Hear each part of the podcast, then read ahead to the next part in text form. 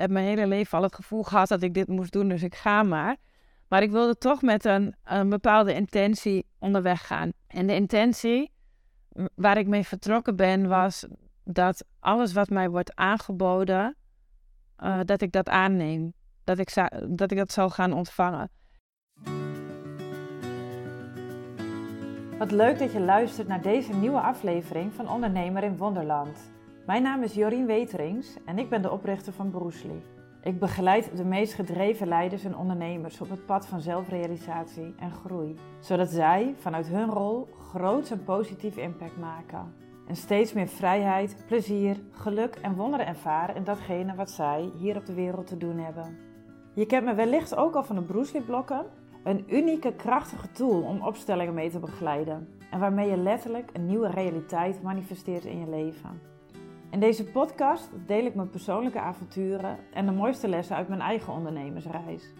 Ook hoor je ervaringen van klanten die ik mag begeleiden. En vind je hier hopelijk precies die inspiratie die jou vandaag nog helpt om ook zelf weer het volgende wonder in jouw wereld uit te nodigen. Ik zit op de bank bij Frodo thuis in Rotterdam, mijn geliefde.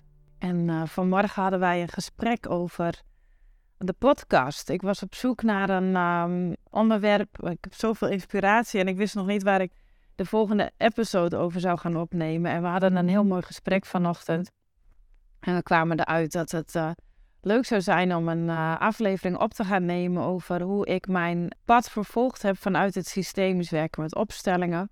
Afijn, er ontstond een heel beeld, maar het magische wat er vervolgens gebeurde. En dat is waar precies het onderwerp van de podcast van vandaag uiteindelijk over zal gaan. Het wonder van het kunnen ontvangen. Ik, ik ben nog steeds een beetje onder de indruk van, uh, van hoe dit zo. Uh, er is dus inmiddels een uh, heel nieuw uh, thema aan de dag gekomen vandaag, waarover deze aflevering gaat. En dat komt door een heerlijk gesprek wat ik zojuist had met Alice Rientjes. Zij is ademcoach. En we hebben contact met elkaar om uh, te onderzoeken of en wat wij uh, samen zouden kunnen betekenen. Uh, vanuit onze beide expertise. En we voelen een, um, een, een, diepe verbinding. En we laten ontstaan wat er wil ontstaan. Dus we stellen ons ehm, beschikbaar, zoals we dat noemen, voor datgene wat de bedoeling is. En dat zal nog wel gaan blijken in welke vorm dat is. Maar tijdens het gesprek ging het zo mooi over hoe wij beide kijken naar eh, vrouwelijke energie, maar ook de energie die daarmee verbonden is, de energie van het kunnen ontvangen. En het kunnen ontvangen van datgene wat door jou geboren wil worden. En die woorden, hè, datgene wat voor jou, door jou geboren wil worden, dat, dat gaat niet alleen maar over vrouwen, dat gaat over mensen. Wij zijn hier op aarde, we hebben allemaal een rol. En dat merken we als ondernemer, als, de, de conscious entrepreneurs, de bewuste ondernemers.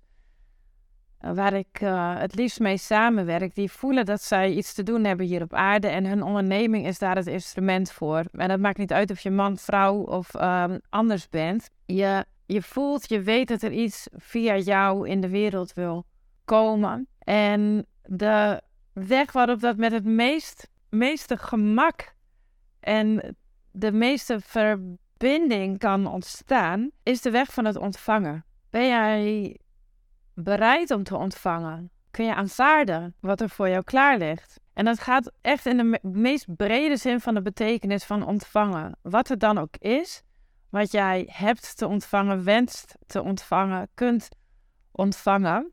In deze aflevering wil ik je um, iets meer vertellen over dat beginsel van ontvangen. Of het nou gaat over um, uh, het ontvangen van geld, het ontvangen van ideeën, het ontvangen van klanten het ontvangen van inspiratie. En ten diepste gaat het over het ontvangen van geluk, eh, van plezier, van vrijheid, van mogelijkheden zonder grenzen in jouw wereld. En ik zal je daarin meenemen aan de hand van een prachtige ervaring die ik onderweg naar Santiago de Compostela heb uh, meegemaakt. Dat is echt een ongelooflijk wonderlijk, diepe levensveranderende ervaring voor mij geweest. Uh, halverwege mijn tocht, nadat ik ongeveer duizend kilometer had gelopen, uh, ontmoette ik een priester. En in die ontmoeting is er iets bijzonders, groots gebeurd, wat voor mij de weg heeft vrijgemaakt naar ook de plek waar ik nu sta en datgene wat ik nu doe in de wereld.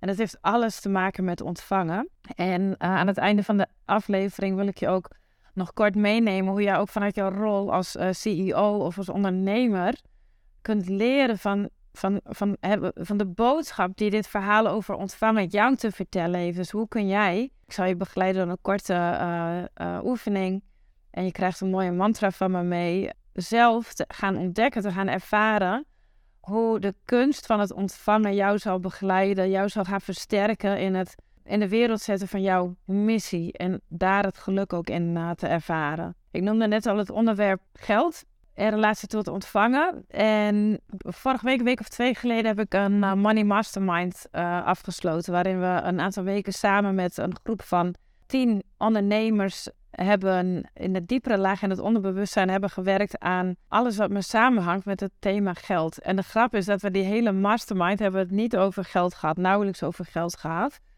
Maar waar het wel over ging, was het vergroten van je vermogen om te dragen. Het vermogen om te dragen datgene waar jij zo diep naar verlangt. Het vermogen, en, en dat, dat waar we allemaal ten diepste naar verlangen, is geluk. Um, en soms verwarren we dat uh, en gaan we ervan uit dat geld uh, de sleutel is tot het kunnen bereiken van vrijheid, tot het ervaren van geluk. En daarom is het zo'n mooie um, ingang tot, tot zelfonderzoek. Want de manier waarop jij naar geld kijkt, vertelt je alles over jouw vermogen om te kunnen ontvangen. En jouw vermogen om te kunnen ontvangen, uh, dat is de weg die jij te nemen hebt als jij vanuit diepe afstemming, diep alignment met jouw zielsmissie uh, wil ondernemen. En die kunst van het, dragen van het vermogen om te dragen datgene wat jij zo graag wil ontvangen in je leven.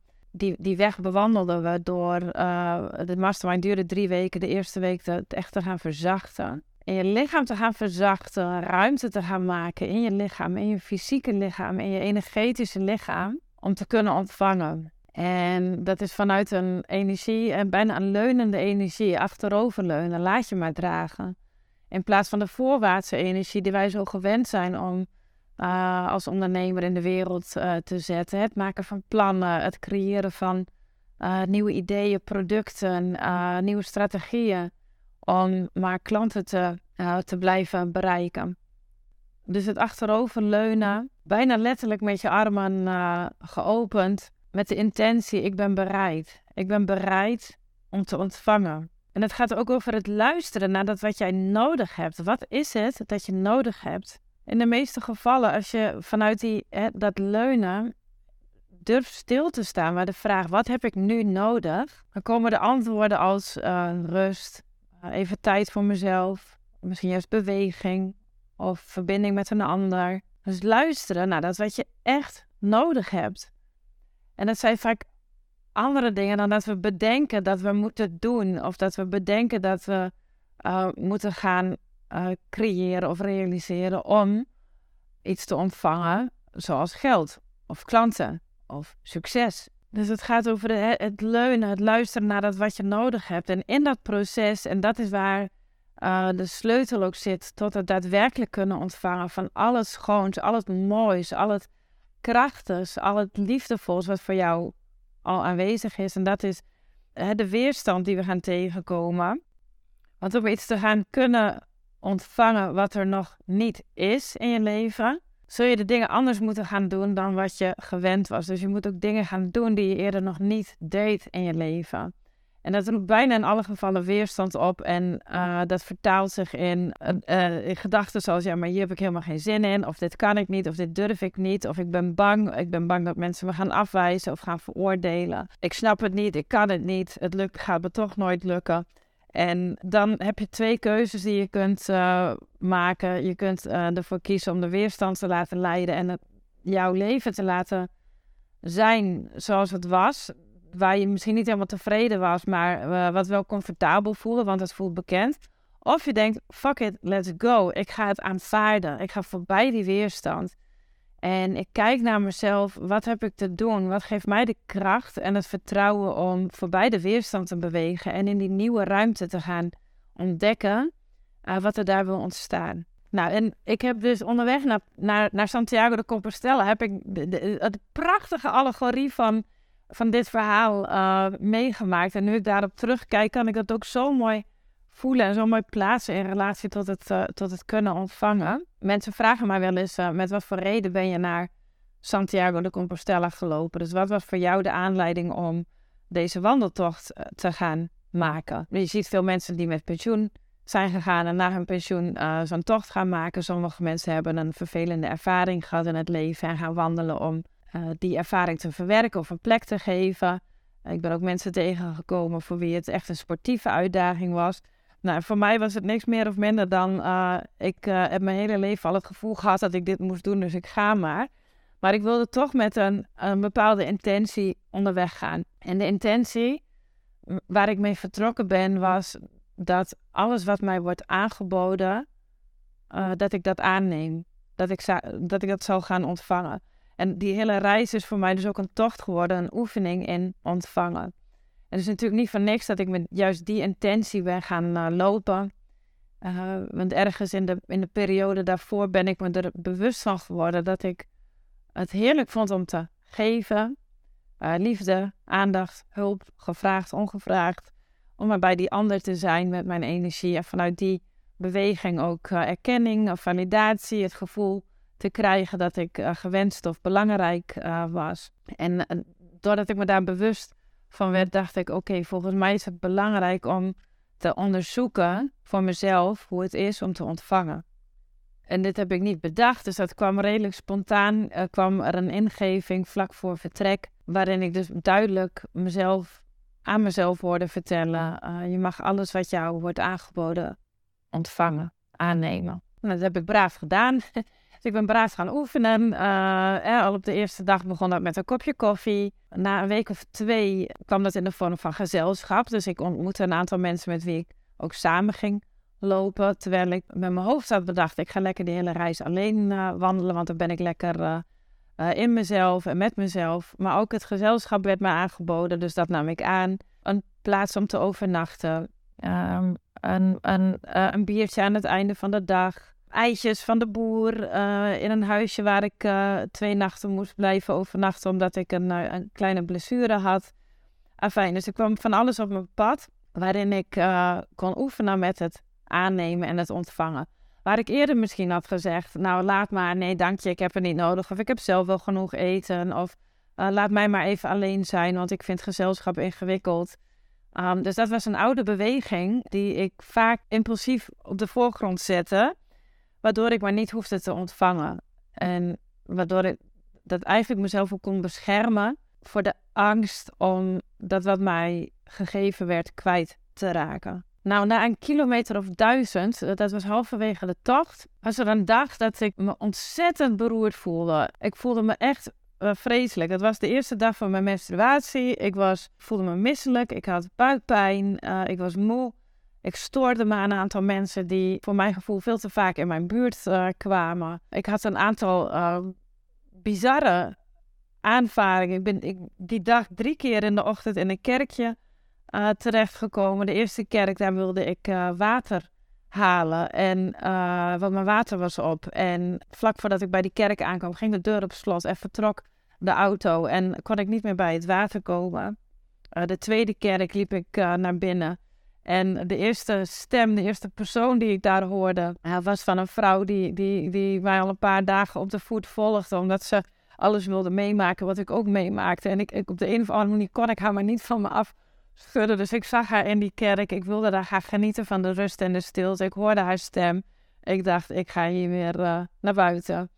En uh, de derde kerk wilde ik uh, bezoeken die dag. En in die, het was een mooie kerk. Het zag er mooi uit. En ik wilde een, een, een kaarsje aansteken. En ik liep naar binnen en ik zag een hoop drukte in de kerk. En ik, ik kreeg de indruk dat de mis net zou gaan beginnen. Dus ik liep naar buiten. En ik botste tegen een grote man aan die mij nors aankeek en vroeg: uh, waarom, ga, uh, waarom ga je nu weg? De mis begint net. Ga maar weer naar binnen. En dit bleek de pastoor te zijn die uh, die, die mis zou gaan verzorgen.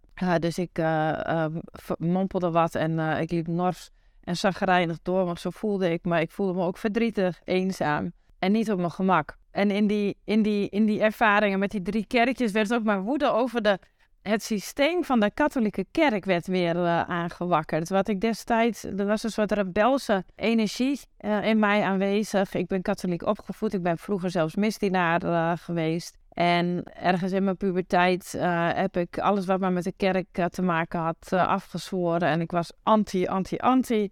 En die energie die, uh, die, die laaide in alle hevigheid uh, weer op. Het is uh, die, die klote kerk en allemaal dat soort gedachten kwamen er door me heen. Dus mijn gemoed werd alleen maar zwaarder en donkerder die ochtend. Nou, en toen stelde ik mezelf de vraag: hoe, hoe zou ik, als ik me thuis zo zou voelen, wat zou ik dan doen op zo'n moment? Wat is dan het beste wat ik mezelf zou kunnen geven? Nou, er kwamen twee woorden door: een lekkere warme kop koffie en chocola. Dus ik heb me voorgenomen om in het volgende dorp bij de eerste de beste winkel uh, chocola te gaan kopen. En uh, bij de eerste de beste bar uh, naar binnen te wandelen. Het was midden in, in het, het, zuiden van Frankrijk. Een barretje binnen te lopen om daar lekker een warme kop koffie te nemen. En wat er in het volgende dorpje gebeurde was dat voor mijn neus de winkel dicht ging. En voor mijn neus de bar dicht ging. Geen chocola en geen koffie. Nou, het huilen stond me nader dan het lachen. En ik voelde me vooral in en in eenzaam. Ik voelde me zo alleen. Ik voelde zoveel verdriet. En ik voelde zo'n groot verlangen om te verdwijnen, om op te lossen in het niets. Dus om je een beetje een beeld te geven van hoe ik me in dat moment uh, voelde. En het volgende dorpje wat ik aankwam, Artes de Bern. Ik weet even niet hoe ik het goed uitspreek. Daar kwam ik aan. En in, uh, het was ook nog een regenachtige dag. En in de verte zie ik een beetje een heuvelachtig dorpje. In de verte zie ik een, een uh, mannetje op een uh, fiets. heel vrolijk slingen. Dat deed me een beetje denken aan de beginscène van de film La Vita e Bella. waarin de postbode zo vrolijk over de straat aan het slingeren is. ik zag die man fietsend mijn richting in. En ik dacht, oh god, als hij maar niet bij mij gaat stoppen, want dadelijk moet ik met hem praten. Nou, dat is dus precies wat er gebeurde. Hij stopte voor me. Ik zag aan een, zijn witte boordje dat het een, eh, een, een, uh, priester was. En we maakten een praatje. Hij had guitige oogjes. Heel vrolijk. Hij vertelde me dat hij net terugkwam van een begrafenis die, waarbij hij was ingevallen voor een collega. En uh, we raakten aan de praat. Hij vroeg aan mij, ben jij een pelgrim? En ik zei, ja, ik ben een pelgrim. En hij vertelde dat hij wel eens mensen uitnodigde, pelgrims die voorbij kwamen met een uh, die met een verhaal onderweg waren, die het dan fijn vonden om, bij hem het, hun hart te luchten. En uh, sommige mensen bleven zelfs wat langer daar op die, uh, op die plek. En ik dacht alleen maar, oh god, als hij mij maar niet gaat uitnodigen, want dan moet ik met hem gaan praten en dadelijk ga ik huilen. Ook dat was precies wat er gebeurde. Hij nodigde me uit in de parochie en ik hoorde alleen maar mezelf zeggen: alles wat je wordt aangeboden, Jorien, dat mag je ontvangen. Dus ik aanvaarde zijn uitnodiging en uh, nam plaats in, uh, in een, een, een, klein zijkamertje in de parochie. De eerste door een soort kantoortje waar zijn secretaresse bezig was en ik nam plaats in die ruimte. Het eerste wat ik van hem kreeg was een kop koffie. En vervolgens kwam die, hij, liep even weer naar zijn secretaresse toe en hij kwam terug. Alsjeblieft Jorien, ik heb uh, hier ook nog twee grote zakken met chocola voor jou. Dus nog zonder dat wij het daarover gehad hadden, werden mijn uh, wensen van die dag ingewilligd. Uh, ik, wilde, ik had behoefte aan koffie, ik had behoefte aan chocola. En door de uitnodiging te aanvaarden van deze priester om in zijn parochie uh, te komen en met hem even wat tijd door te brengen, kreeg ik koffie en chocola. Nou, dat aan zich vond ik al een wonder. Maar ik voelde ook nog wat huiverigheid en, en, en ook best wel wat angst. Waarom ben ik hier? Eh, waarom zit ik hier in deze ruimte? Uh, wat gaat er straks komen? Want hij zei steeds: Ik kom straks bij jou, ik kom straks bij jou. En ik voelde de angst steeds groter worden. Dadelijk raken we met elkaar in gesprek. Uh, gaat hij me uitnodigen om mijn verhaal te vertellen? En dan, dan moet ik alleen maar huilen, huilen, huilen, huilen. En dat wil ik niet, daar ben ik bang voor. Ik voelde een enorme angst om zo kwetsbaar te zijn en zo kwetsbaar zichtbaar te zijn in de aanwezigheid van een ander. En wat, waar ik bang voor was, was precies wat er gebeurde. Hij kwam uh, uh, bij me zitten en nam ook een kop koffie en we raakten aan het praten. Hij wilde van alles over me weten en hij, het leek alsof hij dwars door mij heen kon kijken. Dus hij, hij zei, ik zie dat je het moeilijk hebt. om zo gezien te worden. Het ontroert me nu ook weer op het moment dat ik dit inspreek. Om zo gezien te worden. Iemand die zo aanwezig voor jou is. Om zo gezien te worden. Dat is iets waarvan ik me toen realiseerde. Dat is waar ik ten diepste naar verlang. En dat is wat alle mensen verlangen. Om zo gezien te worden. Ik zie dat je het moeilijk hebt, zei hij. En uh, hij vroeg me van alles over mijn leven. Over wat voor werk ik deed. En uh, hij zei van, nou, we doen eigenlijk een beetje hetzelfde werk. Uh, wij helpen allemaal mensen om gelukkig te worden. Ik doe dat op mijn manier en jij doet dat op jouw manier. En hij vroeg me ook over mijn relatie met de kerk. Dus ik vertelde ook hè, de, de, de, de, de, afkeer, maar ook waar ik vandaan kwam. Maar ook de afkeer die ik voelde tegen het instituut. En ik voelde dat ik alles open met hem kon, kon delen. Het was een heel mooi gesprek, ook een heel ontroerend. Ik was van heel veel aan het huilen. Um, ik kon echt loslaten en het was zo waardevol. En op een gegeven moment stelde hij me de vraag, out of the blue, zei hij in één keer, uh, Jorien, mag ik jou de absolutie geven? En voor de niet-katholieken uh, onder jullie, uh, absolutie is een, ehm, een ja, ritueel, noem ik het even, binnen de katholieke kerk, waarbij al je zonden worden vergeven, zodat je vijf van zonden naar de overtocht naar de hemel kunt, uh, kunt maken. En het is een groot, het is een groot uh, gebaar in de katholieke traditie. Mijn eerste reactie op, deze, op dit aanbod was: nee, ik zit jou net te vertellen dat ik niks meer heb met die katholieke kerk, dus dit past helemaal niet bij mij. Ik kan dit niet van je aannemen en ik wil het niet, want ik geloof, ik, ik, ik, ik kan er niet achter staan. Ik geloof er niet in of ik wil er niet in geloven. Dus ik wil dat niet. En hij bleef stil. En in één keer besefte ik me weer die afspraak.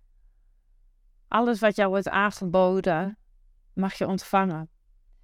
En ik realiseerde me dat in dit moment, in, in zijn aanwezigheid, deze priester, hij bood mij het aller, aller, aller mooiste aan wat hij te geven had. Vanuit zijn kracht, vanuit zijn professie, vanuit zijn missie hier op aarde. En uh, ik voelde, ik mag dit ontvangen.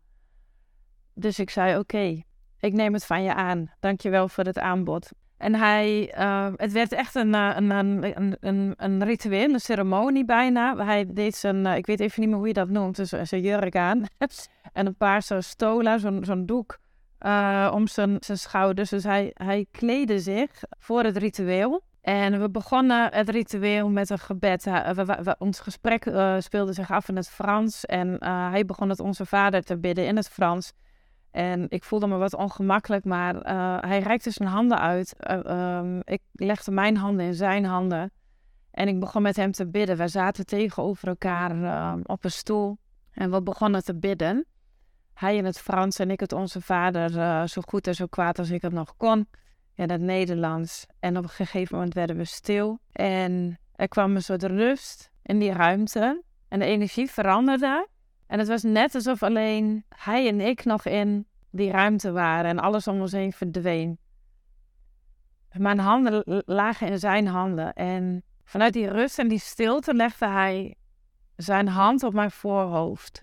En ik voelde ehm, ja, ik kan het niet met woorden omschrijven, maar een energie die zoveel groter was dan dat ik ooit had ervaren.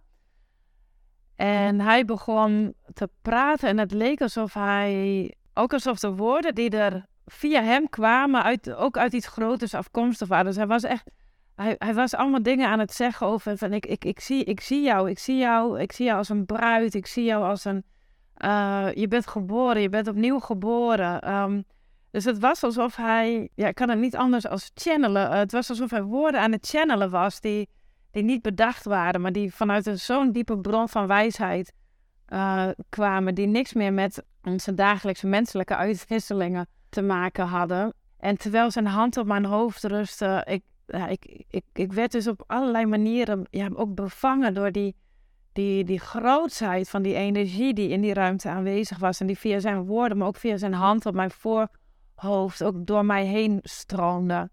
En ik zag, het, en het voelt bijna bizar om dit in te spreken en met de wereld hardop te gaan delen. Maar ik zag ook een, een, uh, een soort kolom van licht om hem heen, vanuit de hemel, via zijn lichaam, uh, ook naar mij toe stromen. En, en hij bleef maar die woorden zeggen als, Uh, ga, ga mijn dochter, ga mijn dochter. Ik zie jou in een witte jurk. Ik zie je staan op een, op een, op een, een rots uitkijkend over de zee. Je bent opnieuw geboren. Ga, ga mijn dochter. En terwijl hij die woorden sprak, zag ik de beelden. Dus ik zag datgene wat hij met woorden benoemde, zag ik voor mij. En het, die hele ervaring had niks meer met uh, zonden te maken of met vergeving te maken. Het symboliseerde voor mij in dat moment alles wat had te maken met loslaten. Het vrijmaken van de ruimte in mijzelf om het nieuwe te kunnen verwelkomen. En hoe mooi het was dat het ook precies halverwege die, die tocht gebeurde. Het was ook, ik heb geen idee hoe lang uh, deze ceremonie duurde, maar op een gegeven moment was het afgelopen en het eindigde redelijk abrupt. Um, en we keken elkaar allebei een beetje beduust aan. Hij kleedde zich weer om in zijn normale uh, tenue. En ik uh, dronk mijn laatste slokje koffie uh, op. En bedankte hem voor um, de koffie, de chocola en de, de het magische samen zijn. Op die plek, halverwege mijn pelgrimstocht. Dus we namen vrij snel afscheid van elkaar. Ik ma maakte nog een mooie foto van hem voor de parochie. Nazareth heette de parochie. En ik vervolgde mijn tocht. Herboren als een ander mens. En het heeft nog flink wat kilometers en stappen nodig gehad, ook na de pelgrimstocht, om die nieuwe ruimte te integreren uh, in mijn leven. Uh, daar zal ik ook nog wel een aparte aflevering een keer aan wijden. Uh, over wat er gebeurde na de tocht. En hoe, hoe ik als, ja, als nieuw mens weer een nieuwe realiteit aanvaarden na thuiskomst. Wat dat ook betekende voor mijn bedrijf. Maar de meest waardevolle les, of de meest waardevolle boodschap of inspiratie, laat ik het zo noemen, die ik jou hoop mee te geven, ook door dit verhaal, is, en, en, en, zeker ook in je rol als ondernemer of als CEO, als jij uh, voelt dat jij iets groots te doen hebt in de wereld en dat je ook een diep verlangen voelt om daar plezier, geluk, vrijheid, blijdschap in te ervaren um, is die vraag: ben ik bereid om te ontvangen? Durf ik het aan om mijn missie vanuit, het, vanuit de, de kunst bijna van het ontvangen in de wereld te zetten? Want naarmate jij meer in staat bent, maar ook bereid bent om te ontvangen, te luisteren naar dat wat jij nodig hebt, ook de weerstand durven onderzoeken en te gaan aanvaarden uh, wat jou gegeven is. Of dat nou je krachten, je talenten zijn, of dat nou uh, vrijheid, geluk uh, of plezier zijn. Dan ben je bereid om te aanvaarden. En ben je ook bereid om jouw patroon te doorbreken van het geven, die voorwaartse beweging, van het aanwezig zijn, altijd maar bij die ander, of altijd maar bij de, bij de toekomst zijn van, maar ik moet dit nog realiseren, of ik moet dat nog maken, of ik moet dat nog gaan verdienen, of ik moet die impact nog maken voordat ik plezier kan ontvangen. Ben je bereid om te gaan ervaren hoe jij nu al die vrijheid, nu al kunt gaan genieten, nu al het plezier kunt gaan ervaren om vanuit het ontvangen de grootheid van die energie te gaan voelen, waarmee je als vanzelf gaat stralen, waarmee als vanzelf die impact gerealiseerd gaat worden, die jij vanuit jouw essentie in de wereld kunt zetten. Want zodra je dat kunt, dan is alles wat jij geeft in de wereld, dus zodra jij de, bereid bent om te ontvangen en, en kunt ontvangen, kunt aanvaarden wat jou gegeven is, dan is iedere handeling, iedere, alles wat jij doet in het geven is vrij van, van verwachtingen wanneer jij alleen aan het geven bent, zonder dat jij die, eh, de ruimte hebt, zonder dat jij kunt aannemen, kunt aanvaarden wat jou gegeven is, dan zal er altijd een impliciete, onbewuste verwachting op de ander liggen. Wat ik in het begin al vertelde, ik geef zodat ik gezien word, ik geef zodat ik gevalideerd word. Dat, ik geef onbewust vanuit de behoefte om mijn bestaansrecht te aanvaarden. Ja, ik wil eindigen met een, uh, een, vraag en een mantra die jij uh, kunt gaan gebruiken als je hiermee wil gaan oefenen. als je dit in jouw leven wil vormgeven op een manier die bijdraagt aan jouw zielsmissie, aan datgene wat jij voor de wereld te doen hebt en die er daardoor ook voor gaat zorgen dat jij ontzettend veel uh, plezier en geluk en vrijheid zult gaan ervaren in je leven. En de vraag die je een tijdje met je mee kunt laten reizen, je hoeft daar geen antwoord op te krijgen, maar alleen de vraag stellen activeert al een energie in jou en in het grotere geheel, waardoor jij precies gaat krijgen wat jij nodig hebt. En de vraag die met jou mee mag reizen is, ik doe hem in het Engels, want dan vind ik het prachtig. What do I need to receive pleasure? Wat heb ik nodig om plezier te ontvangen? En ik roep vaak als ik dit soort vragen uh, stel aan mijn energie, aan mijn systeem, uh, laat het me maar zien. En dan laat ik het los. Reis een tijdje met deze vraag: What do I need to receive pleasure? En tot slot een fantastische mantra die je ook dagelijks kunt herhalen, iedere ochtend of een aantal keer per dag. Of je zet hem op je screensaver of op je telefoon. Als je, je naar je telefoon kijkt, dat dat het eerste is wat je ziet. Uh, ik heb die boodschap van mijn lieve vriendin Karin Borst. Um, zij kwam laatst met deze fantastische mantra, ook in het Engels. I am an excellent receiver. En voel maar wat deze mantra voor jou doet. Ik wens jou met alle liefde toe dat je van harte kunt ontvangen. En dat je echt mag gaan genieten van al het moois wat er vanuit die ontvangende, uh, leunende beweging op jouw pad kan komen. En je zult echt gaan zien dat je dan met zoveel meer gemak, plezier, uh, vrijheid door het leven beweegt. En dan heb jij echt de allermooiste staat van zijn, van waaruit jij in vrijheid ook kan geven. En dat gun ik jou en de wereld. Dankjewel voor het luisteren van deze aflevering van Ondernemer in Wonderland. Ik hoop dat ik je heb mogen inspireren om zelf ook weer op avontuur te gaan. Een wonder uit te nodigen in jouw leven en in je business. Als je enthousiast bent geworden, zou ik het super vinden als je een review achterlaat bij de podcast. En ook kun je me helpen om mijn boodschap te verspreiden door de podcast te delen op je socials en mij daarin te taggen.